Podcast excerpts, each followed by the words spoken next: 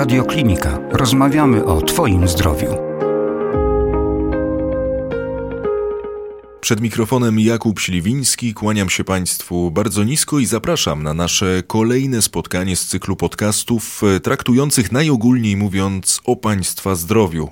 A tematem naszej dzisiejszej dyskusji jest obszar, o którym często rozmawiać po prostu nie chcemy, który odkładamy na inny moment, na inny czas, bo kiedy słyszymy hasło kolonoskopia, no to momentalnie przychodzą do głowy te ciemne, żeby nie powiedzieć czarne myśli. Także dzisiaj, drodzy Państwo, będziemy się starali nieco odczarować ten temat, zapytać o to wszystko, co chcielibyśmy wiedzieć o kolonoskopii, czego pewni nie jesteśmy, a gdzie bardzo często to badanie może decydować o naszym zdrowiu, a nawet i życiu.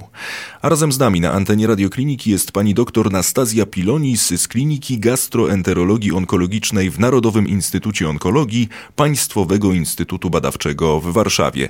Dzień dobry pani doktor. Witam serdecznie.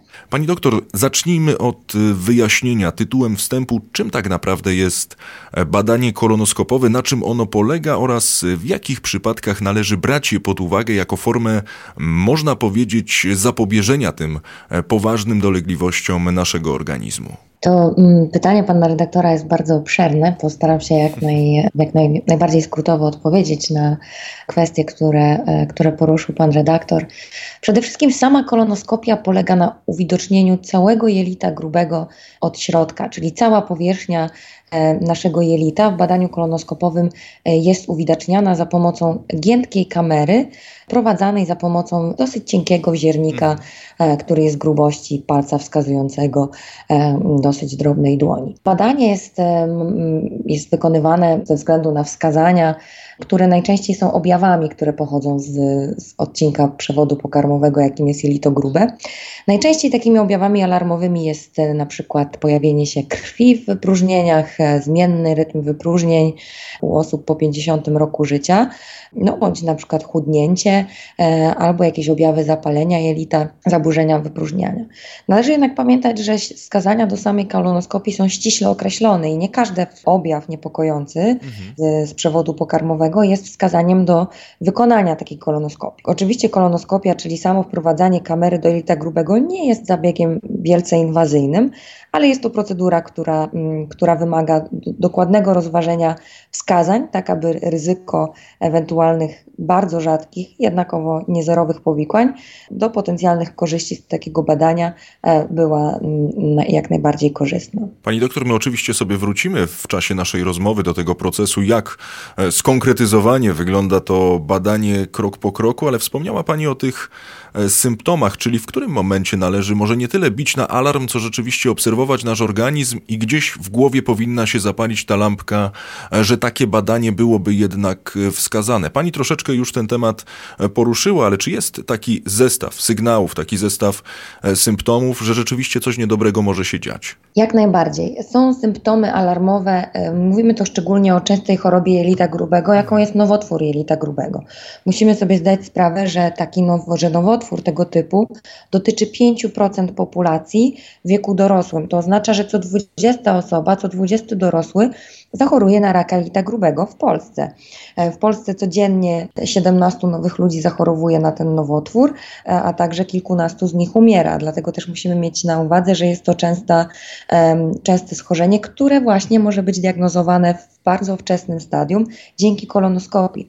I tutaj należy odróżnić dwa nurty kolonoskopii profilaktycznej, którą wykonujemy u pacjentów bez objawów, jako badanie profilaktyczne w celu wczesnego wykrywania jelita grubego, który jeszcze nie daje objawów. O tym pewnie będziemy rozmawiać później. Mhm. No ale również e, są objawy alarmowe, które, w których kolonoskopia może ujawnić, że właśnie taki rak już się pojawił, w stadium jeszcze e, dającym szansę wyleczenia, więc to też nie oznacza, że pojawienie się objawu alarmowego oznacza, że sprawa jest już przegrana.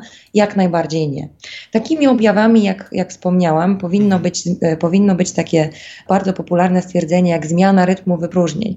To oznacza, że jeżeli ktoś całe życie miał tendencję do zaparć, a nagle ma biegunki, albo przeciwnie, wypróżniał się kilka razy dziennie, a nagle wypróżnia się o wiele, wiele rzadziej, raz na kilka dni, to jest właśnie zmiana trybu e, wypróżnień, która jest dla nas niepokojąca i która skłania, e, która skłania nas do myślenia, że u osoby po 50 roku życia może świadczyć o tym, że taka choroba właśnie się rozwija. Domieszki patologiczne w wypróżnieniach, czyli obfita ilość śluzu, świeża krew albo, albo krew zmieszana z, z wypróżnieniem, również jest bardzo znaczącym objawem alarmowym. Takimi objawami u ludzi po 50 roku życia są również chudnięcie, niedokrwistość, no, czy zmiana formy wypróżnienia, czyli jakby tutaj już zmiana kształtu naszego wypróżnienia. Jeżeli widzimy, że przybiera ona inny kształt niż dotychczas, to mówimy o takich e, charakterystycznych na przykład stolcach ołówkowatych, e, no to też jest objawem alarmowym i też powinno nas skłonić, e, aby przedyskutować z naszym lekarzem wskazania do wykonania kolonoskopii. Czyli przede wszystkim obserwacja w tym punkcie jest e, niezwykle istotna. Ale pani doktor, czy nasz styl życia, czy nasz e, sposób życia, to w jaki sposób my się na przykład odżywiamy, jak dajmy na to wysypiamy się, z jakich tych różnych używek również i korzystamy, myślę tutaj o całym tym zestawie tych codziennych e, czynności i naszych przywar, w jaki sposób i jak duży właśnie ma ona wpływ na to, że ewentualnie coś e, złego może dziać się w naszym organizmie i pytanie, jakie nawyki należy wdrożyć w życie, żeby takie ewentualne, ewentualne problemy może nie tyle zlikwidować w całości, ale delikatnie chociaż je zniwelować. To jest bardzo dobre pytanie, dlatego że rak jelita grubego ma dosyć silne uwarunkowania środowiskowe. To oznacza, że mamy dowody naukowe na to, że pewne zachowania zależne od nas, pewne na właśnie nawyki, o których pan redaktor wspominał, wpływają na rozwój, zwiększają ryzyko rozwoju raka jelita grubego. Takim czynnikiem oczywiście jest dieta. E, dieta bogata w czerwone mięso, uboga w owoce i warzywa, bogata w wysoko przetworzone pokarmy jest bardzo silnym czynnikiem e, rozwoju raka jelita grubego, więc dieta powinna być tak naprawdę pierwszą modyfikacją, którą każdy z nas jest w stanie wprowadzić mhm. od zaraz. Nie jest to prosta modyfikacja, ale w czas, w jakim się znajdujemy, czyli czas lata i świeżych owoców i warzyw jest dobrym czasem, aby takie nawyki wprowadzać, żeby zostały one również z nami na sezon zimowy. A drugim takim bardzo ważnym czynnikiem jest, e, zaliczamy to do diety, e, ale, ale należy o tym mówić osobno, to jest alkohol. Nadmierne spożycie alkoholu niestety e, również przyczynia się do, mm, przyczynia się do rozwoju raka jelita grubego. Ze stylu życia z ważnych rzeczy jest jeszcze oczywiście aktywność fizyczna. Ta aktywność fizyczna powinna nam towarzyszyć przez całe życie. Przez większość dni w tygodnia powinniśmy być aktywni fizycznie. Oczywiście ta aktywność fizyczna powinna być dostosowana do naszego wieku, do naszego stanu, do naszego ogólnego stanu zdrowia i możliwości, ale jest to niezwykle, niezwykle istotny czynnik. Palenie papierosów jak najbardziej jest, e, jest czymś niezwykle szkodliwym w wielu, czy w wielu aspektach naszego zdrowia, e, nie tylko, nie tylko płuca, nie tylko układ oddechowy, ale również wiele, wiele nowotworów, w tym również e, rak jelita grubego. Jeżeli chodzi o, o te czynniki właśnie, które my nazywamy czynnikami środowiskowymi, czyli zależnymi od nas, to te cztery wymieniłabym jako takie naj, najsilniejsze, których modyfikacja zdecydowanie zmniejszy e, nasze ryzyko e, rozwoju e, tej choroby. Czyli sporo możemy w tym temacie zrobić, możemy sobie sami pomóc, no ale pani doktor, dochodzimy do tej palącej kwestii, no bo jednak, ale wydaje mi się, że cały czas no pokutuje to przeświadczenie, że to, o czym wspomniałem na samym początku naszej dzisiejszej rozmowy, że my trochę chyba jednak boimy się, po pierwsze, samych badań kolonoskopowych, ale my sami w ogóle boimy się o tym rozmawiać i nie wiem, czy się pani tutaj ze mną zgodzi, jak to wygląda w praktyce, no bo oczywiście pani ma do czynienia z pacjentami na co dzień. Z czego wynika ta niechęć w ogóle podejmowania tematu, jakim jest e, kolonoskopia? Czego my się tak naprawdę boimy? No właśnie, boimy się tej ewentualnej e, bolesności już e, samego badania. Być może po prostu no, wolimy o tym nie mówić, wolimy to odkładać e, na jakiś inny czas. Jak to wygląda z Pani perspektywy? Tak, tutaj, mm, tutaj w, w grę wchodzi kilka aspektów, które przyczyniają się rzeczywiście do takiej negatywnej sławy, sławy e, badania kolonoskopowego.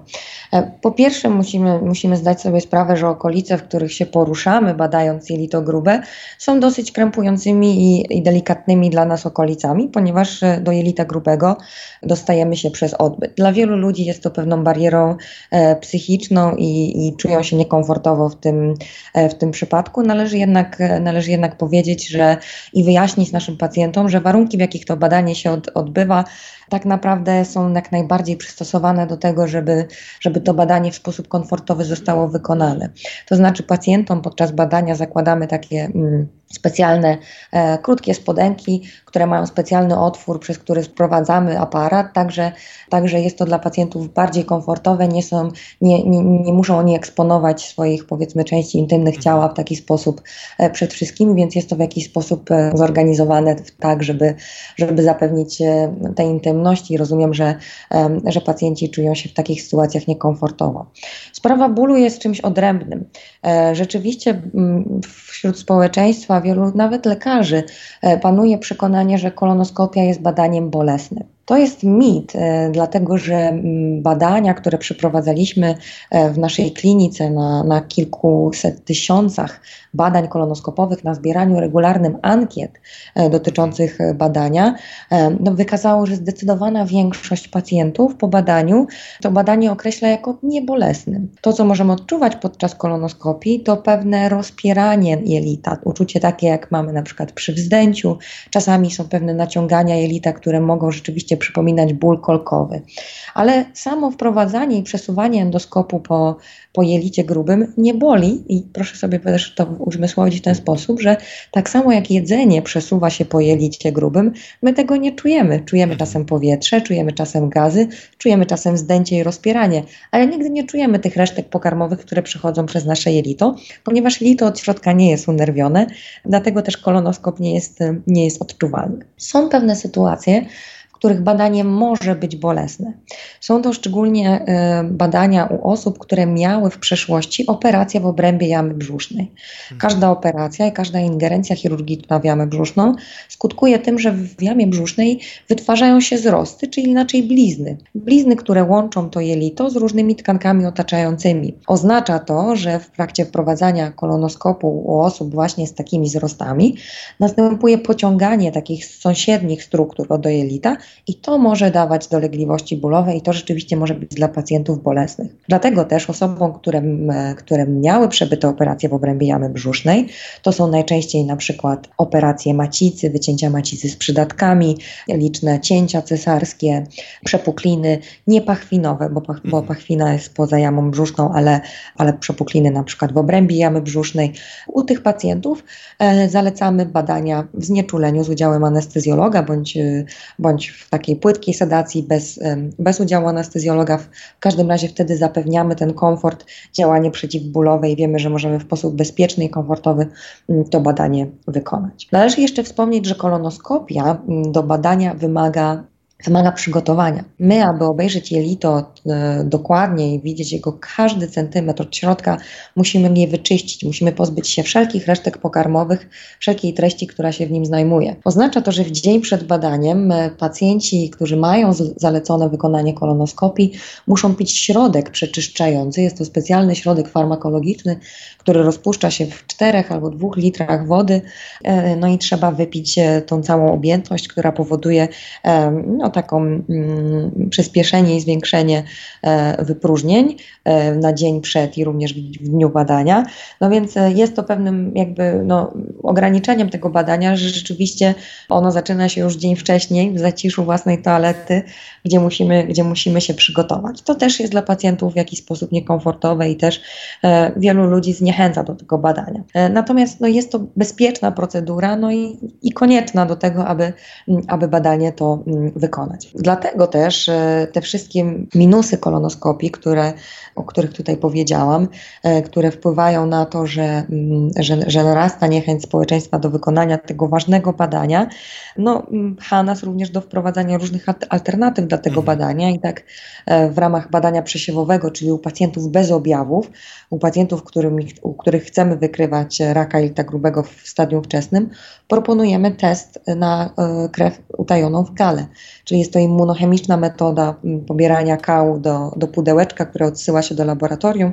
No i tam w ocenie automatycznej sprawdzane jest, czy jest obecność krwi, czy nie ma. Jeżeli taka obecność krwi jest, to wtedy pacjenta dopiero wysyłamy na kolonoskopię, bo wiemy, że ryzyko raka jelita grubego takiej osoby jest bardzo wysokie i tą kolonoskopię na pewno warto wykonać.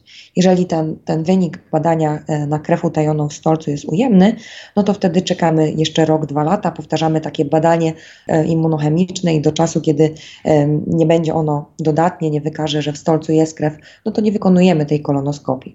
Ale jest ta opcja zarezerwowana jedynie w przypadku pacjentów, w którym Zaleca się badanie przesiewowe w kierunku raka jelita grubego, a ta profilaktyka raka jelita grubego zalecana jest w Polsce osobom po 50 roku życia, e, które nie mają obciążeń rodzinnych, e, które nie mają żadnych objawów wskazujących na to, że, że rak jelita grubego jest. Ja powtórzę, to jest bardzo częsta choroba, dotyczy 120 osoby, 120 dorosłej osoby, więc każda osoba po 50 roku życia jest zwiększonym już sam wiek jest czynnikiem ryzyka najsilniejszym dla tej choroby. Więc sam wiek upoważnia już nas do tego, żeby badanie profilaktyczne w kierunku raka jelita grubego wykonać. Pani doktor, ja sobie jeszcze tak tylko błyskawicznie wrócę do tego e, procesu przygotowania, bo pani powiedziała, że oczywiście ten cały proces zaczyna się e, dzień przed. Jak rozumiem, nic wcześniej absolutnie nie trzeba robić, na przykład na, na płaszczyźnie tej e, powiedzmy psychicznej, czy tylko to są li wyłącznie przyjmowane płyny, o których pani wspomniała i to wszystko. I jeszcze tutaj mam jedno pytanie, czy nikt mądry nie wymyślił, żeby jednak jakoś inaczej to e, zorganizować, żeby ten dzień w toalecie nie musiał być spędzony? Dzień w toalecie to trochę, e, to trochę mm, że tak powiem, przesada uznałabym to za, mm, za wieczór poprzedzający badanie, czyli do pracy sobie można normalnie pójść, wrócić po południu z pracy i zacząć przygotowanie o godzinie 17-18 e, dnia poprzedzającego badanie. E, ważne jest, żeby, żeby, żeby drugą połowę tego przygotowania wykonać w dniu samego badania, bo wtedy jelito jest najlepiej przygotowane. E, jeżeli chodzi o przygotowanie, zalecamy pacjentom dietę ubogoresztkową na, na, na, na kilka dni przed kolonoskopią. Nie oznacza to jakichś specjalnych modyfikacji, e, ale jakieś bogato pestkowe mm, warzywa czy owoce można sobie na kilka dni odpuścić. Nie jest to natomiast jakimś warunkiem koniecznym. Koniecznym warunkiem jest wypicie tego preparatu i oczyszczenie jelita. E, jeżeli chodzi o to, o to czy nikt mądry się nie znalazł i nie, nie, nie, e, nie ulepszył tej, tej metody przygotowywania, no to odpowiedź brzmi tak. Znalazło się wielu mądrych ludzi, którzy, którzy pracowali nad systemem e, optymalizacji tego przygotowania, bo rzeczywiście problemem jest objętość płynów, która, którą trzeba wypić. No i na rynku mamy, mamy dostępnych kilka preparatów, również w tym, w tym e, preparatów niskoobjętościowych, e, no, w, których, w których ta ilość samego preparatu farmakologicznego jest mniejsza do wypicia. Jednak zawsze tej, tą ilość, ilość wody trzeba wypić, żeby, żeby, żeby jelito wy, wyczyścić. Pani doktor, my tutaj dzisiaj powtarzamy bardzo dużo o osobach, które są powyżej 50 roku życia, a ja tak się zastanawiam, a co z tymi nieco młodszymi, którzy na przykład odczuwają pewien dyskomfort, którzy są e, zaniepokojeni swoim e, organizmem, formą na przykład właśnie e, stolca i tak dalej, i tak dalej. Czy one także są w jakiś sposób objęte pewną ochroną i pewnym takim podejrzeniem, że może również wypadałoby się na takie badanie udać? Oczywiście. Osoby, osoby poniżej 50 roku życia, które mają w rodzinie osobę, która zachorowała na, na raka jelita grubego, e, takiego członka rodziny pierwszego stopnia, czyli, e, czyli rodziców, rodzeństwo dzieci, e, no to tutaj e, ta profilaktyka i badania przesiewowe w kierunku raka jelita grubego rozpoczynamy wcześniej, już po 40 roku życia, więc to jak najbardziej jest bardzo dobrą uwagą. W przypadku, kiedy pojawią się u osób młodszych niż w 50 roku życia objawy niepokojące, objawy z właśnie z, z dolnego odcinka przewodu pokarmowego, jak najbardziej należy to omówić ze swoim lekarzem i przedyskutować e, wskazania do, mm, do badania, jakim jest, jakim jest kolonoskopia. E, tutaj pragnę podkreślić, że zawsze lepiej jest, e, lepiej jest, pomimo że to badanie jest dostępne również w warunkach komercyjnych i, mhm. i można, e, ale wtedy i tak potrzebne jest skierowanie i nie traktujmy tego skierowania jako, jako czystą formalność na kolonoskopię, ale jako na ważny proces samego badania, gdzie lekarz E, siada z nami, słucha, jakie mamy objawy, słucha, jaką najlepiej, e, jaką najlepiej ścieżkę diagnostyczną wykonać, od jakiego badania najlepiej zacząć. Czasem tą kolonoskopię trzeba wykonać na jakimś punkcie, ale na przykład warto jest, żeby przedtem wykonać pewne badania krwi albo inne badania obrazowe. Dlatego też bardzo ważna jest ta rozmowa z lekarzem i kwalifikacja do odpowiedniego momentu e, kolonoskopii, no jak i czasami Lekarze kierujący na badania mają pewne prośby przy tym badaniu pobierania wycinków, e, pobierania wycinków rutynowych na, na różne badania, które, które wykonywane są już później pod mikroskopem. Więc tutaj podkreślam znaczenie tego procesu, który dzieje się przed samą kolonoskopią. Sama kolonoskopia też jest niezwykle istotnym mm, narzędziem terapeutycznym, ponieważ służy do usuwania e, łagodnych, jak i też wczesnego, wczesnego raka jelita grubego e, w formie, w formie polipów. Mhm. E, polipy mogą być usuwane w sposób bardzo mało inwazyjny w trakcie samego badania, więc to też jest niezwykle istotna rzecz, którą należy pamiętać przy, przy kolonoskopii. Pani doktor, a jak pani zdaniem zmieniają się właśnie te tendencje, zmienia się samo zdanie? Myślę tutaj o pacjentach, myślę tutaj o Polakach, jeżeli chodzi o kolonoskopię, no bo cały czas krążymy wokół tego tematu, że jest to jednak obszar, no troszeczkę nie chcę powiedzieć zaczarowany, ale może właśnie nie odczarowany, że cały czas no pokutują te różne, te różne przeświadczenia, te różne myśli dotyczące e, kolonoskopii. Pani zdaniem to idzie wszystko w dobrym kierunku, że Polacy otwierają się na ten temat, że chcą o tym rozmawiać, że chcą się przede wszystkim badać, czy jednak my cały czas jesteśmy w takim punkcie, że niemalże siłą należy e, kogokolwiek wypychać, żeby na takie badanie się udał? Mm. Powiem, że jestem optymistą w tym kierunku. Jestem optymistą, dlatego że widzę codziennie w swojej pracy, jakie niesamowite możliwości diagnostyczne i terapeutyczne daje kolonoskopia. E, my metodami kolonoskopowymi jesteśmy w stanie leczyć stadia raka jelita grubego, wczesne jego stadia, mm, zostawiając całe jelito, czyli usuwając tylko powierzchowne warstwy od środka, nie naruszając ani powłok skórnych, nie naruszając ani ciągłości jelita, czyli zostawiamy cały narząd e, w jamie brzusznej, e, a pacjent wychodzi następnego dnia albo tego samego do domu, a ma wyleczonego raka. Ta sama kolonoskopia pozwala nam diagnozować rzadkie choroby, ale również częste, a poważne choroby, takie jak zapalenia jelit, jak właśnie, jak właśnie rak jelita grubego. E, natomiast zdajemy sobie sprawę z tego, że, mm, że w przypadku badań przesiewowych i osób bez objawów, e, no, wykonanie kolonoskopii może być, e, może być dużym obciążeniem. To należy, należy też to zrozumieć, że osoby, które, które mają proponowaną kolonoskopię jako badanie przesiewowe, czyli są to osoby zdrowe, dotychczas nie mające żadnych objawów, żadnych dodatkowych innych czynników ryzyka, niż wiek, jestem w stanie zrozumieć, że te osoby niechętnie zgłaszają się na kolonoskopię i my to widzimy niestety w naszych statystykach programu badań przesiewowych, że zgłaszalność osób bez objawów na kolonoskopię profilaktyczną jest niezwykle mała. Dlatego też decydujemy się na wprowadzanie e, testów stolca, immunochemicznego testu na krew utajoną w kale, która jakby przesiewa nam pacjentów, stratyfikuje tych, którzy muszą mieć kolonoskopię, bo są w bardzo dużym ryzyku posiadania raka jelita grubego, bo mają krew w wypróżnieniu, która nie jest widoczna gołym okiem, czyli nie, nie alarmuje naszego pacjenta do tego, aby zgłosił się do lekarza, tylko jest wykrywalna dopiero w metodach no, bardzo, bardzo subtelnych, takich diagnostycznych, e, niewidocznych e, gołym okiem. No i my wtedy wiemy, że taka osoba może mieć bielicie, wczesną zmianę, może mieć wczesnego raka jelita grubego i u tej osoby kolonoskopia musi być wykonana. Pamiętajmy też, że sam sam profil bezpieczeństwa kolonoskopii jest bardzo wysoki. Powikłania zdarzają się niezwykle rzadko. Oczywiście nie są one, nie są one nigdy nie ma zerowego ryzyka i każda procedura e, medyczna wiąże się z mniejszym lub większym ryzykiem. W przypadku kolonoskopii diagnostycznej to ryzyko jest naprawdę małe, więc to też jest, e, to też jest ważne, e, aby naszym, naszym, żeby nasi pacjenci o tym, mm, o tym pamiętali i nie bali się, nie bali się mm, tego badania pod względem powikłań. Zatem, pani doktor, gdybym mógł poprosić o to zdanie wieńczące, o takie delikatne rezime naszego dzisiejszego spotkania w związku z badaniem kolonoskopowym, co by to panim zdaniem było? Jaki byłby ten najważniejszy przekaz dla słuchaczy radiokliniki? Najważniejszy przekaz e, dotyczący kolonoskopii to to, że jest to naprawdę fantastyczna metoda diagnostyczna e, schorzeń jelita grubego, która pozwala z wysoką czułością, wysoką dokładnością diagnozować większość problemów właśnie tego, tego narządu. Pozwala ona w aktualnych czasach, e, aktualne możliwości techniczne pozwalają na to, aby za pomocą kolonoskopii wyleczyć wczesne postaci raka jelita grubego oraz oraz zapobiegać e, rozwojowi raka jelita grubego poprzez wykrywanie i jednoczasowe usuwanie polipów e, właśnie podczas kolonoskopii. Należy też pamiętać, że dla tych, którzy bardzo boją się kolonoskopii, nie mają objawów, a chcieliby skorzystać z profilaktyki raka jelita grubego, istnieje alternatywa w postaci immunochemicznego testu na krew utajoną w.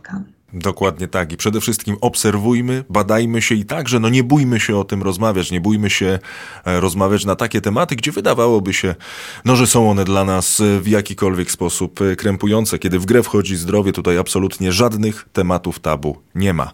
Pani doktor Nastazja Pilonis z Kliniki Gastroenterologii Onkologicznej w Narodowym Instytucie Onkologii Państwowego Instytutu Badawczego w Warszawie była moim i Państwa gościem na antenie radiokliniki. Pani doktor, ukłony bardzo, bardzo serdecznie serdecznie dziękuję. Dziękuję również. Więcej audycji na stronie radioklinika.pl i w naszej aplikacji mobilnej.